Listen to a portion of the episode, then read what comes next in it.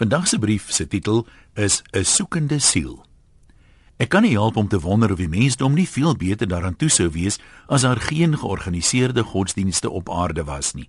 Sou daar nie veel minder haat, oorloë of aanvalle in die naam van een of ander god gewees het nie. Ek wonder ook of ons God ooit reg verstaan. Ja, maar ek herhaal dit, ek moet dit anders lees. Ek wonder ook of ons vir God reg verstaan. As kind moes ek hoor van hierdie kwaai, jaloerse, veroordelende God wat ons moet vrees. En dan kom die bevel, jy moet hom lief hê met jou hele hart, verstand en siel. Ek kon nie vir hom lief wees nie want ek was bang vir hom. As 3 en 4 jarige het ek myself getroos dat ek daarom veilig is want ek verbreek nie een van Moses se wette nie. Ek moer nie, ek pleeg nie, ek breek nie ensovoorts. Dan kom die verdoemende woorde. Hierdie kwaai veroordelende God weet tot hoeveel hare op my kop is en die ergste van alles, hy weet alles wat ek dink. Dan weet hy mos ek is nie lief vir hom nie. Groot vrees en baie skuldgevoelens neem oor.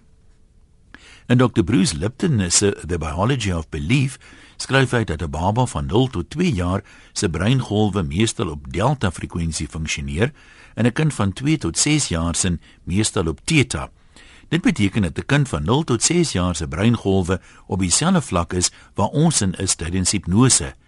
En ek kan vir jou onder hipnose vertel dat jy 'n hoender is en jy sal voor die hele gehoor soos een pik en rondspring.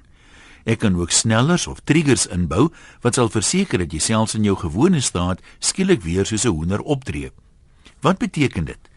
Jou geloofies is meestal nie werklik joune nie. Dis letterlik onder iets soos hipnose in jou brein geprogrammeer. Daarom dat die Romeinse sê, gee my jou kind die eerste 6 jaar en ek sal bepaal wie en wat hy eendag gaan word en glo. Die evangelie van Judas is eers in 20:6 die eerste keer vertaal. Daarin lag Jesus vir die disippels as hulle voor ete bid. Op hulle verontwaardiging antwoord hy dat hulle vir hulle God bid en dat hulle God is wat binne in hulle is, nie syne nie. As jy verder gaan oplees, sal jy sien dat manne soos Marcion alreeds in 100 na Christus die Ou Testament wou uitskryf omdat daardie God nie die God van liefde van Jesus is nie. Hoekom sou hulle so glo? Ek het 3 bladsye vol van wat nou gaan volg, maar ek gee net enkeles deur. 1. Hoeveel mense maak God dood voordat iemand God behaag deur 'n gemengde paartjie dood te maak? 24000 volgens Numeri 25 vers 6 tot 9. Hoeveel diere moet Salomo doodmaak as offerandes om God te behaag?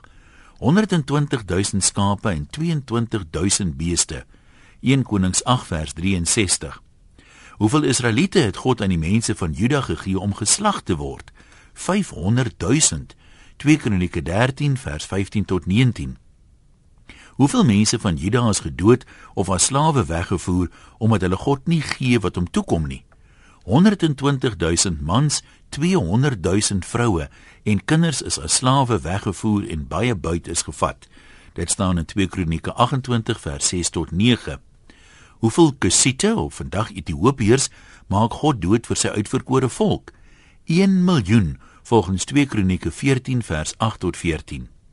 Hoeveel mense dood God op een dag omdat hulle voorhuwelikse seks het?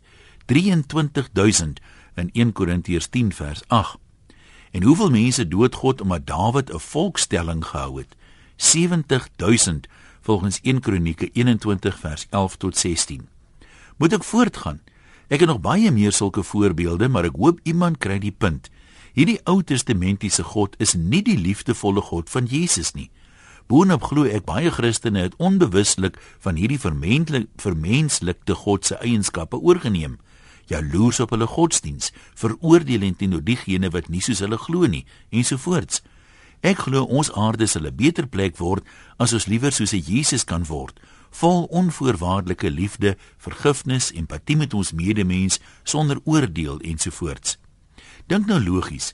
Hoekom sê hy hy sal 99 skape net so los om die een afgedwaalde een te gaan soek en die hemele sal oor daardie een juig?